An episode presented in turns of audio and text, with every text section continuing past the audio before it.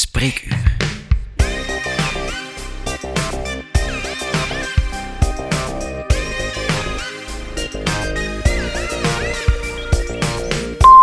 Hallo dokter Servaas. Hoe kan ik meer intuïtief handelen en minder vanuit mijn eh, ratio of mijn stemmetje in mijn hoofd beslissingen nemen? En mijn tweede vraag is, hoe herken ik eigenlijk het verschil tussen intuïtief denken en rationeel denken? Welkom bij Spreekuur.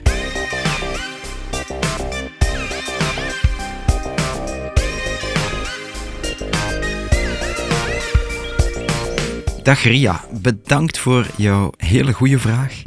Maar ik ga toegeven, het is niet echt een simpele vraag. Hè? Want hoe weet je nu of dat je van intuïtie handelt of dat je rationeel bezig bent?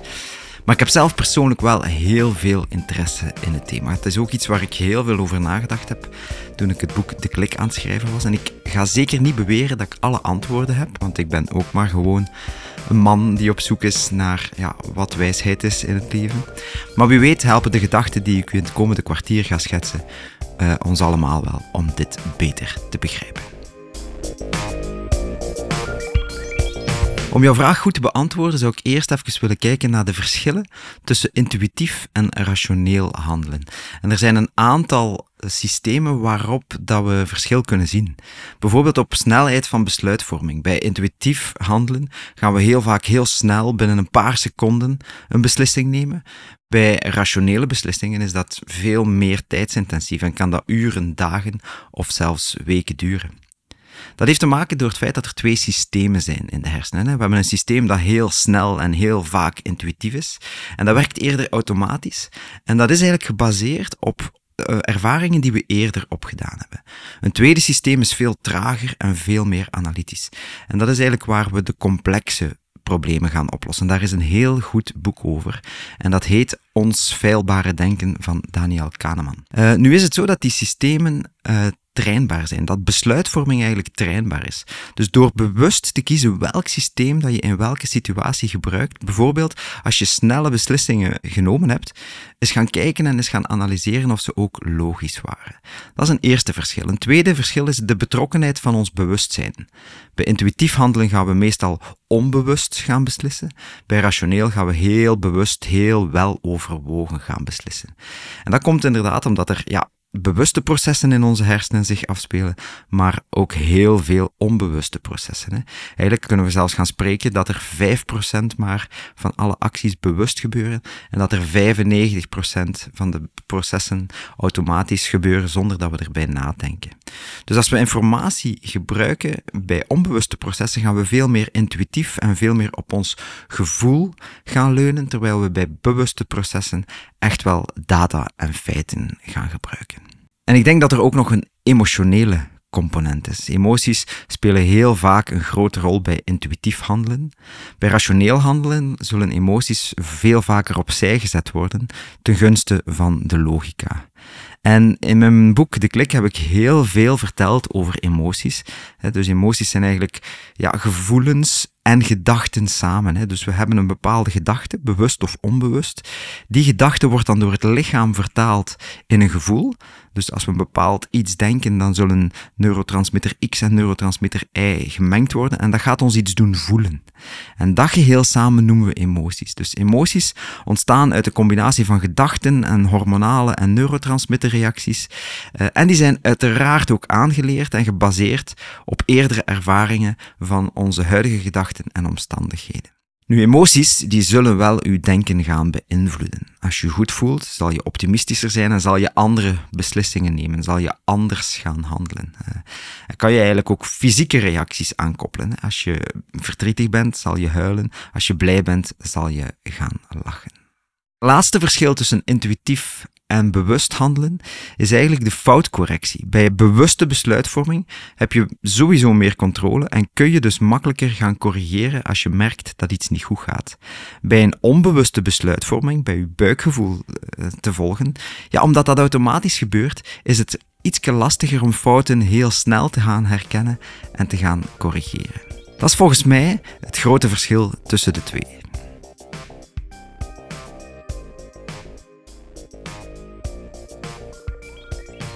Vraag die ik hier heel graag zelf bij wil stellen is: wat is nu het beste? En volgens mij is dat niet de juiste vraag, want het gaat niet om het beste. Of dat intuïtief handelen beter is, dat hangt heel sterk af van de situatie en van wat dat jij definieert als beter. Intuïtie en rationaliteit zijn alle twee waardevolle instrumenten om beslissingen te nemen. En vaak is een combinatie van beiden het meest effectief. Laat ons eerst eens gaan kijken naar de voordelen van intuïtief handelen. Dan kunnen we kijken naar de snelheid, want intuïtieve beslissingen worden vaak veel sneller genomen dan rationele beslissingen, maar ook de complexiteit. In complexe situaties waar dat moeilijk is om alle variabelen heel rationeel te gaan analyseren, kan intuïtie een heel nuttig hulpmiddel zijn. Ook de emotionele afstemming. Intuïtie kan een dieper inzicht geven in menselijke emoties en reacties. En dat is vooral van belang in beslissingen die met interpersoonlijke relaties uh, te maken hebben, dus die tussen mensen gaan. Als we dan gaan kijken naar de voordelen van het rationele handelen, ja, bij rationeel handelen gaan we objectiever handelen. Dat is gebaseerd op logica en op feiten. En dat zal eigenlijk helpen om die emotionele bias en de subjectiviteit zo klein mogelijk te maken. Rationeel handelen is ook herhaalbaar. Die zijn meestal heel gemakkelijk te verantwoorden en te repliceren, omdat ze gebaseerd zijn op data die we meten. Dat eerste systeem, dat bewuste systeem in onze hersenen, gaat het gaan meten en analyseren en zo de beslissing gaan nemen. En daardoor zijn ze efficiënter voor een risicobeheer te doen, zeg maar. Door alle mogelijke uitkomsten en alle risico's heel zorgvuldig te analyseren, kunnen we veel beter een geïnformeerde beslissing nemen. Dus in sommige situaties kan intuïtief handelen nu een voordeel opleveren, maar in een andere context kan een rationele aanpak wellicht geschikter zijn. Het is volgens mij gewoon aan uzelf om te beoordelen welke aanpak in welke situatie het beste werkt. Een holistische aanpak die zowel de intuïtieve als de rationele elementen gaat combineren, wordt vaak als het meest effectieve beschouwd. Laat ons misschien een paar voorbeeldjes geven. De chirurg in de operatiekamer. Er staat een chirurg klaar om een heel complexe operatie uit te voeren. En die mens heeft veel ervaring, die mens heeft veel intuïtie, maar toch is het niet het moment om daarop te vertrouwen. Want in een operatie hebben we veel liever dat de chirurg strikte protocollen volgt, dat hij naar de scans en naar de metingen kijkt en op basis daarvan elke stap zet die gebaseerd is op de wetenschappelijke kennis en de rationele besluitvorming die hij op dat moment kan. Uh. Dus in een operatiekamer is er volgens mij niet veel ruimte voor gevoelens van de onderbuik. Tweede voorbeeld is de eerste date. Hè. Misschien herinnert je het u nog, of misschien is het onlangs nog gebeurd, hè, dat je in een cafeetje zat te wachten op uw date. En uw date komt binnen en ofwel voelde een bepaalde klik of een bepaalde chemie. En dan begint het te praten. En hoewel dat allemaal heel perfect lijkt, zegt uw onderbuik precies dat misschien toch niet de juiste persoon is. Daar kan je dan misschien wel op vertrouwen. En afzien van een tweede date. Of je kan dat negeren en een tweede date doen, maar dan zal misschien de tweede date u wel tonen dat het uh, niet juist was. Dat is eh, een voorbeeld van zuiver intuïtief handelen. En dan heb je bijvoorbeeld uh, ja, iemand die investeert, die een aandelen doet. Die zal een combinatie van de twee gebruiken. Dus die zal enerzijds analyse gaan doen van markttrends en de financiële rapporten allemaal lezen. Dus heel rationeel gaan handelen. Maar ook de intuïtie een stukje laten spelen dat marktgedrag niet puur rationeel kan worden verklaard. Hè. Iemand die heel veel ervaring heeft, die weet dat een evenwichtige combinatie van die twee handelingsmechanismes de beste resultaten oplevert. Al die voorbeeldjes tonen aan dat er situaties zijn waarin dat rationeel of intuïtief handelen beter geschikt is. En vaak is een combinatie van beide het beste. Nu Ria, wat ik altijd heel interessant vind is waarom stellen mensen die vraag? Stel je die vraag omdat je bijvoorbeeld in een bepaalde levensfase zit, want in heel veel levensfases gaan we ons grote vragen stellen. Bijvoorbeeld op het moment dat we een bepaalde job moeten zoeken. Als we voor een belangrijke beslissing staan, gaan we een stabiele job opgeven om een ondernemersdroom of een start-up op te richten. Rationeel gezien weten we dat we alles goed voor elkaar hebben, dat we een goed salaris hebben, alle zekerheden die we bij een vaste job hebben. Maar intuïtief kun je dan voelen dat je meer voldoening en meer groeikansen gaat krijgen als je dat risicootje neemt. Hè. Dus wat weegt er dan voor u zwaarder? Zekerheid of voldoening? Dat is een moment waarin we eigenlijk kunnen zeggen van ja, wat moet ik nu doen? Mijn buik zegt dit, mijn hoofd zegt dat. Uh, een ander voorbeeld zijn relaties en huwelijk of gezondheid en levensstijl. Hè? Bijvoorbeeld als je worstelt met je gezondheid en je vraagt je af of je levensstijl moet veranderen. Ja, rationeel gezien weten we wel dat we meer moeten bewegen, gezonder moeten eten enzovoort. Maar intuïtief is het soms heel moeilijk om afstand te gaan doen van comfortfood en van een relaxte levensstijl. Dus het levensvraagstuk is dan niet eigenlijk van, ja, moet ik gezonder gaan leven? Maar het levensvraagstuk wordt dan eigenlijk, hoeveel ben ik bereid om op te geven voor een betere gezondheid? Want negatief gedrag, ongezond gedrag, van roken tot uh, eetbuien enzovoort, dat geeft ons eigenlijk altijd een positieve intentie. En die positieve intentie, als die te groot blijkt, is het heel moeilijk om uh, ons gedrag te veranderen. Dus wat is de kunst dan? De kunst is om dan te gaan kijken van hoe kan ik die positieve intentie overstijgen met ander gedrag. En dat is vaak een heel klein beetje rationeel combineren met intuïtief. Dat is echt gaan zoeken naar wat drijft u, wat wil je doen en welke regels wil je volgen. En het is dat proces dat ik in mijn boek De Klik heb proberen uitschrijven. Dus eerst goed weten waarom, een goede voorbereiding, om dan die klik te maken, want de klik maken is op zich een kleine beslissing. En we maken elke dag heel veel beslissingen. Hè. Je maakt beslissingen om op te staan. Je maakt beslissingen om een koffie te drinken. Je maakt beslissingen om de kast open te doen en er de zak M&M's uit te pakken, bij wijze van spreken. Dus hoe meer van die beslissingen dat we nemen en hoe, hoe meer we die kleine beslissingsspier gaan trainen, hoe beter dat we op een bepaald moment ook grote beslissingen kunnen gaan nemen in het leven. Want uiteindelijk is het maken van de klik een beslissing nemen. Ik stop met roken, ik stop met M&M's eten s'avonds. Het is alleen niet één keer die beslissing nemen, het is die beslissing verschillende keren achter elkaar gaan nemen. Zodanig veel na elkaar diezelfde beslissing gaan nemen, zodanig dat het een nieuwe gewoonte wordt.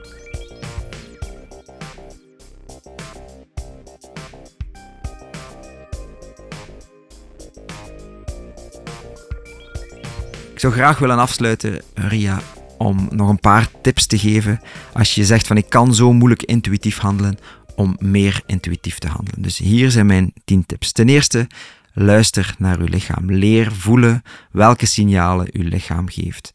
Het lichaam geeft heel vaak subtiele signalen wanneer iets wel of niet klopt. En je kunt dat onderbuikgevoel noemen, je kunt dat emoties noemen. En soms is dat een spanning in uw schouders, in uw nek of op uw borst.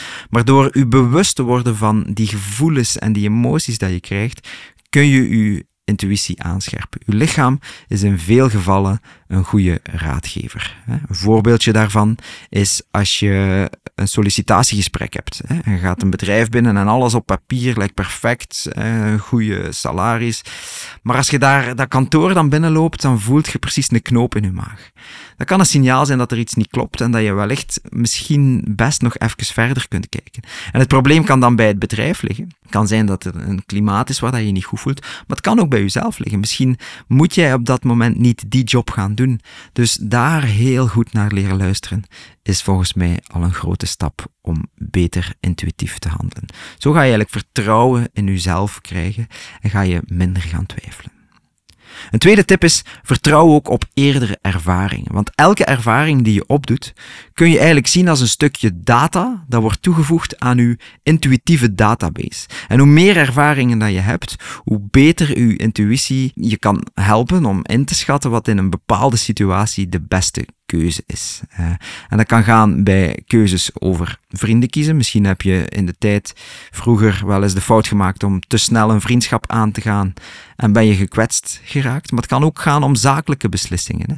In een bepaalde jobleven kan je misschien geleerd hebben dat bepaalde strategieën niet werken. Hè. En dan merk je van oké, ik zie dat een team heel enthousiast is over het volgen van een bepaalde strategie, maar toch voel ik dat dat niet de juiste weg is. En daar kun je heel vaak je vinger niet precies opleggen. Dus met ons eerste systeem gaan we dat niet kunnen analyseren. Maar de ervaring zegt dat een andere benadering misschien beter zou zijn. Dus probeer eigenlijk te vertrouwen op die ervaringen. Uh, want zo kun je heel veel valkuilen vermijden en betere keuzes maken. Intuïtie wordt echt gevoed door wat je al hebt meegemaakt in je leven. En het is heel belangrijk om dat innerlijk gevoel altijd serieus te nemen.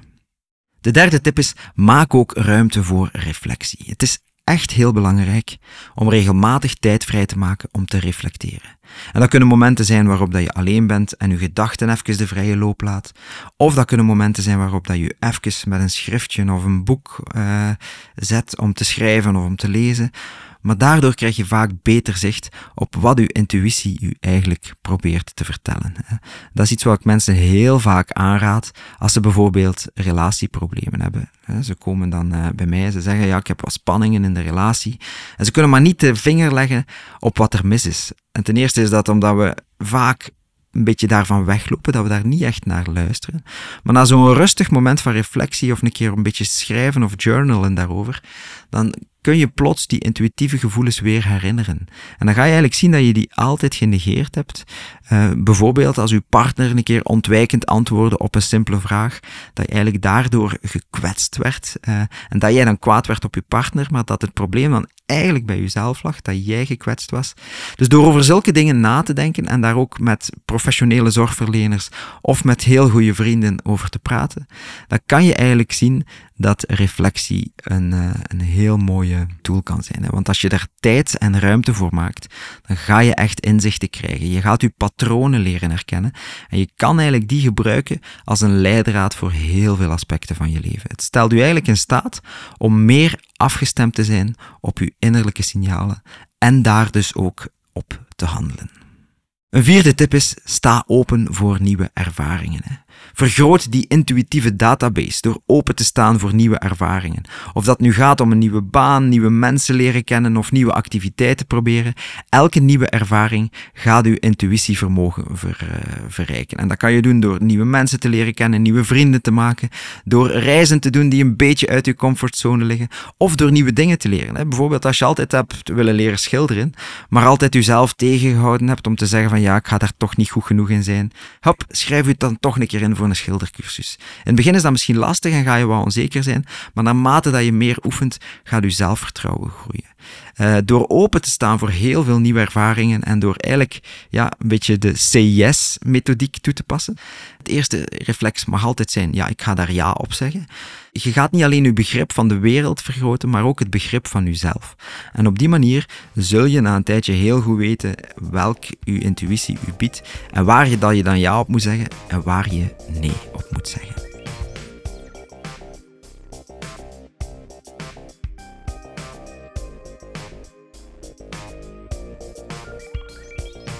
De vijfde tip: oefen mindfulness.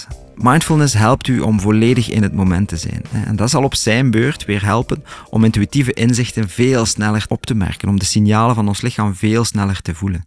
En dat kan door bewust te ademen, door te mediteren of om gewoon simpelweg een momentje te nemen om uw zintuigen volledig te gebruiken. Want we denken altijd bij mindfulness dat we moeten in een yogakamer gaan zitten met uh, een beetje muziek op de achtergrond. En, en, maar eigenlijk zijn er zoveel momenten doorheen de dag waar we mindful kunnen zijn tijdens het eten, in het verkeer, maar zelfs op het werk, tijdens een vergadering. Bijvoorbeeld tijdens het eten. Stel dat je altijd gehaast eet, terwijl dat je aan het werken bent, nog aan je computer of nog televisie aan het kijken bent. Probeer eens om gewoon mindful te eten. Dus probeer je te concentreren op de smaak, de textuur, de geur van het eten. Je zult merken, één, dat je veel sneller verzadigd bent en dat het eten veel beter smaakt. En dat zijn heel kleine, korte momentjes om heel mindful uh, in uw lichaam te staan en dus eigenlijk uw intuïtie ook veel beter te kunnen horen. Ik doe het zelf bijvoorbeeld in het verkeer, hè, in de auto, eh, na, na een lange dag werken of na, na een keynote als je lang naar huis moet rijden. Ja, kun je zo thuis willen zijn en dan ergens anders willen zijn dan waar je op dat moment bent. Dat is eigenlijk de tegenstelling van mindfulness. En op zo'n momenten oefen ik om eigenlijk te zijn in de situatie waar ik ben. En dat is inderdaad soms op de Brusselse ring. Uh, dat is soms in de file. En dat is soms uh, ja, niet, niet leuk. Maar dan denk ik van oké, we kunnen nu toch niks anders doen. We gaan dat ervaren. Vandaag kies ik om mindful in de file te staan. Dus ik focus mij dan op mijn ademhaling, op die comfortabele zetel, want ik heb een heel comfortabele zetel waar dat kan inzitten als ik met een auto rijd. Op het gevoel van dat stuur in mijn handen, het geluid van de motor. Maar door heel mindful in zulke situaties te leren staan, zul je eigenlijk je intuïtie uh, kunnen versterken. Want je gaat veel vaker naar zo'n kalme en bedachtzame staat kunnen gaan dan naar de stressvolle stresskip uh, situatie, zeg maar. Maar ook tijdens een meeting. In een meeting zijn we heel vaak bezig met zelf babbelen. Ik probeer heel vaak te zeggen van kijk, wat ik nu ga doen het volgende uurtje is vooral luisteren. En daardoor ga ik eerst veel beter begrijpen wat er allemaal speelt en zelfs eigenlijk intuïtieve inzichten krijgen over kansen en onderliggende problemen die ik daarvoor misschien niet had gezien. Dus mindfulness, ja, je kan dat inderdaad doen door die ademhalingstechniek en weet ik veel, maar je kan het ook in het dagelijkse leven heel veel doen, want het zal u helpen om meer in contact te komen met uw intuïtieve gevoelens. Tip nummer 6. Test en evalueer. Begin gewoon. Begin met het nemen van kleine intuïtieve beslissingen en kijk wat de uitkomst is. maak ze eerst uh, op niveau dat het niet zoveel kwaad kan. Bijvoorbeeld door het kiezen van een route als je aan het rijden bent, waar dat je anders heel lang over nadenkt, zegt van hup, ik ga nu zo naar de autostrade rijden, of ik rij via Brussel, of ik rij via Antwerpen. Hup, kleine beslissing, neem ze, zie wat de uitkomst is. Of, wat gaan we kopen in de supermarkt? Door gewoon te zeggen van hup, ik sta ervoor, tjak, tjak, tjak, dat pak ik mee. Zo ga je eigenlijk zelfvertrouwen opbouwen in uw intuïtieve vaardigheden. En dan evalueer je wat eigenlijk uw keuze in de supermarkt betekend heeft. Misschien kom je dan thuis en uh, heb je dan twee dagen daarna zoiets van, hmm, wat kan ik hier nu mee maken? En, en google je even uh, de ingrediënten die je gekocht hebt en maak je misschien een heel verrassend lekker receptje klaar. Dus op die manier gaan eigenlijk uw keuzes u leren of het goede keuzes waren. Dus uh, probeer dat ook gewoon heel regelmatig te doen. Ik ga het nog eens zeggen. Door heel kleine beslissingen te nemen af en toe en gewoon te zeggen: ik beslis het, dan trainen we onze beslissingsspier. En een beslissingsspier die getraind is om kleine beslissingen te nemen, zal op momenten in het leven ook grote beslissingen kunnen nemen. En dat brengt ons bij tip nummer 7. Luister naar anderen, maar vertrouw op uzelf. Het is heel vaak heel nuttig om naar anderen te luisteren en hun inzichten te horen, maar laat uiteindelijk uzelf de beslissing nemen. Anderen hebben hun set van ervaringen, hebben hun database van intuïtie, zeg maar. En ze hebben dus ook hun vooroordelen en die zullen hun mening gaan kleuren. Maar er is maar één iemand die echt kan weten wat het beste is voor u. En dat zijt jij zelf. Dus consulteer ze, consulteer de anderen in alle soorten beslissingen. In de keuze van een nieuwe job, in relatiebeslissingen, bepaalde investeringen. Probeer het maar te doen, maar luister uiteindelijk naar uzelf. Want in alle voorbeelden van als we andere mensen hun mening gaan horen, gaan we verschillende perspectieven krijgen, maar het is uw intuïtie die uiteindelijk vaak de beste beslissing neemt. Vertrouw op uzelf. Als anderen een mening hebben, kan dat mooi meegenomen zijn, maar vertrouw vooral op uzelf. En misschien een beetje haaks daarop staat de achtste tip. En dat is vermijd overanalyse. Want een valkuil van rationaliteit is dat we komen vastzitten in een loop van eindeloze analyses. En dan blijft het maar draaien. En we hebben daar een mooi woord voor in het Nederlands. Dat heet piekeren. En piekeren gaat uw intuïtieve gevoelens gaan onderdrukken. Soms is die eerste snelle ingeving ook de juiste. En dat kan bijvoorbeeld gebeuren bij het kopen van een huis of bij een artistieke creatie die je maakt. Hè, van moet ik hier die streep hier zetten? Of, of uh, ik heb dat heel vaak als ik schrijf. Uh, als ik schrijf, doe ik eigenlijk in een eerste fase, schrijf ik gewoon zonder uh, te stoppen. Dus ik duw nooit op backspace. Ik, ik begin gewoon te typen. En als er een fout in staat, laat ik ze gewoon staan. Dat is mijn eerste draft. waarom? Want dan kan ik heel intuïtief blijven. Gaat het ook vooruit? Gaat die snelheid ook vooruit? Als ik begin te schrijven en ik ga na een halve zin al beginnen drie woorden te veranderen en kommatjes bijzetten, dan gaat dat proces ook niet vooruit. Dus uh, ja, overanalyse is soms heel nodig. Hè. Als, uh, als ik diagnoses stel en naar bloedresultaten kijk, dan ga ik heel vaak gaan overanalyseren. Maar er zijn andere situaties in het leven waar overanalyse eigenlijk tegenwerkt.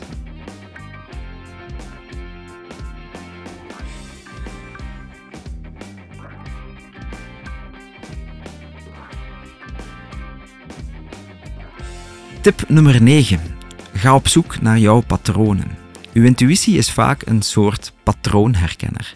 Als je in je eigen leven bepaalde patronen kunt gaan identificeren, dan kun je eigenlijk die kennis gebruiken om toekomstige situaties beter in te schatten. En ik ga een paar voorbeelden geven.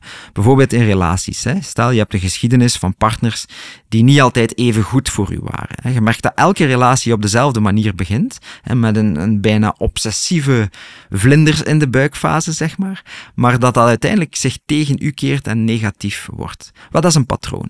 Dus probeer dat patroon in kaart te brengen, probeer dat patroon te herkennen, want dan kan je eigenlijk de volgende keer je intuïtie gebruiken om te zeggen van ja, zijn we weer hetzelfde patroon aan het doen en vertoont mijn liefdesinteresse weer dezelfde rode vlaggen.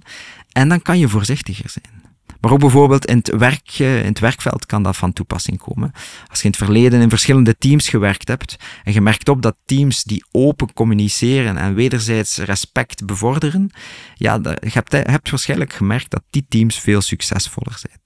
Dus als je dan in de toekomst een team moet kiezen of moet aansluiten bij een team, dan zal je intuïtie eigenlijk zeggen van ja, dit is zo'n team, dus dit voelt goed. Uh, als je voelt van ja, dit is een team waar iedereen hier met zijn ellebogen en zijn schouders probeert uh, elkaar uh, de, de poten van onder de stoel te zagen, ja, dan mag je intuïtie misschien wel zeggen van hm, dat zal hier niet de beste plek zijn.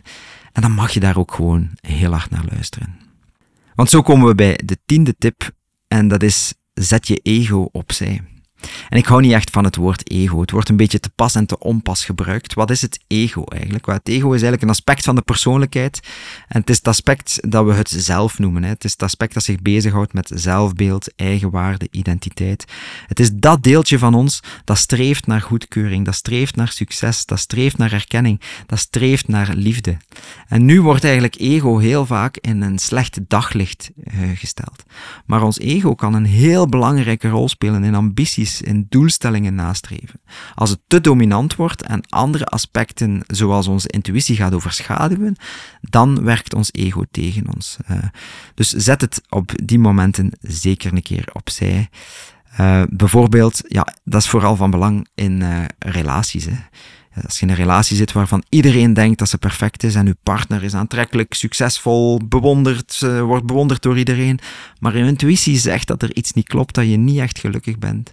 Wat is eigenlijk uw ego op dat moment dat u kan weerhouden om naar uw buik te gaan luisteren, omdat het niet wil toegeven dat wat perfect lijkt misschien niet is wat je nodig hebt. Hè. En zulke voorbeelden kan uw ego u ervan weerhouden om te luisteren naar uw intuïtie. Uh, en die intuïtie zal u misschien helpen om beter afgestemd te zijn op uw diepere wensen en diepere behoeften. Dus dat ego eventjes loslaten, die perfectie loslaten, dat streven naar dat zelf, zelfideaal loslaten, kan daarom een cruciale stap zijn in het meer intuïtief handelen en het vinden van echt geluk en voldoening. Door die tien tips toe te passen en uzelf daarin te trainen, kun je beter leren vertrouwen op je intuïtie en dat meer en meer gaan integreren in de beslissingen die je elke dag neemt. Want balanceren tussen ratio en intuïtie is een uitdaging waar velen van ons mee worstelen. We leven in een wereld die ons eigenlijk heel vaak aanmoedigt om rationeel en logisch te zijn. En dat start eigenlijk al op de, op de school. Maar het is heel belangrijk om te onthouden dat uw intuïtie ook een heel waardevolle bron van wijsheid is. Ratio en intuïtie zijn dus twee heel belangrijke aspecten van wie dat je bent. Ze vullen elkaar aan en moeten samenwerken. En het is volkomen normaal om te twijfelen en om het gevoel te hebben dat je vastzit tussen uh, buik uh, en, en, en hoofd. The classical dilemma between the head and the heart. Ik weet niet meer van wie het liedje is, maar ik vond het een prachtig nummer in de tijd als ik stierf van liefdesverdriet ergens in mijn puberteit. Maar door oefening en zelfinzicht kun je een evenwicht vinden dat u zelf naar een vervullender leven gaat leiden. Dus het gaat volgens mij niet om ratio boven intuïtie te kiezen of het boven het ander te kiezen, maar om te leren hoe dat je ze beiden in uw besluitvormingsproces kunt integreren. Dus Ria en alle anderen die luisteren, wees niet te hard voor uzelf als je worstelt met die kwestie. Het leven is een pad dat we bewandelen. En het is uiteindelijk niet de doelstelling die het ertoe doet. Nee, het is uh, door het pad te bewandelen en door ondertussen te genieten van het uitzicht, dat we heel gelukkig kunnen worden. Durf te luisteren naar zowel uw hoofd als uw hart. En heb vertrouwen dat je met de tijd wel zal leren hoe je uit alle twee het beste kunt halen. Ik wens iedereen die geluisterd heeft heel veel succes en heel veel wijsheid toe op de reis naar een evenwichtig en heel authentiek leven. En als je tot hier geluisterd hebt, wil ik u ook nog heel hartelijk danken om tijd te maken om naar Spreekuur te luisteren. Ik heb het een paar keer gehad over het boek De Klik. Wel, ik geef jullie een korting van 15% met de code INTUITIE. Uh, en intuïtie kan je schrijven met koppelteken, kan je schrijven zonder koppelteken. Maar die code zal vanaf de release van deze podcast een half jaar actief zijn. En dan krijg je eigenlijk het boek De Klik met korting. En je mag die code doorgeven, maar zeg dan ook tegen de mensen dat ze eerst eens naar deze aflevering van Spreekuur luisteren. Fijne week allemaal. Dit was Spreekuur. Bedankt, beste luisteraar, om deel uit te maken van de gezondheidsrevolutie. De show notes van deze aflevering kun je terugvinden via drservaas.be slash podcast. Heb je zelf ook een vraag voor het open spreekuur, dan kan je die daar ook opnemen. Je vindt op de websitepagina bovenaan een instuurknop en als je daarop klikt, dan kom je terecht in een audioruimte waar je je vraag kan stellen. Als je deze podcast leuk en interessant vond, abonneer je dan via jouw favoriete podcastkanaal, deel het op je socials of geef ons een rating. Tot de volgende keer bij Spreekuur.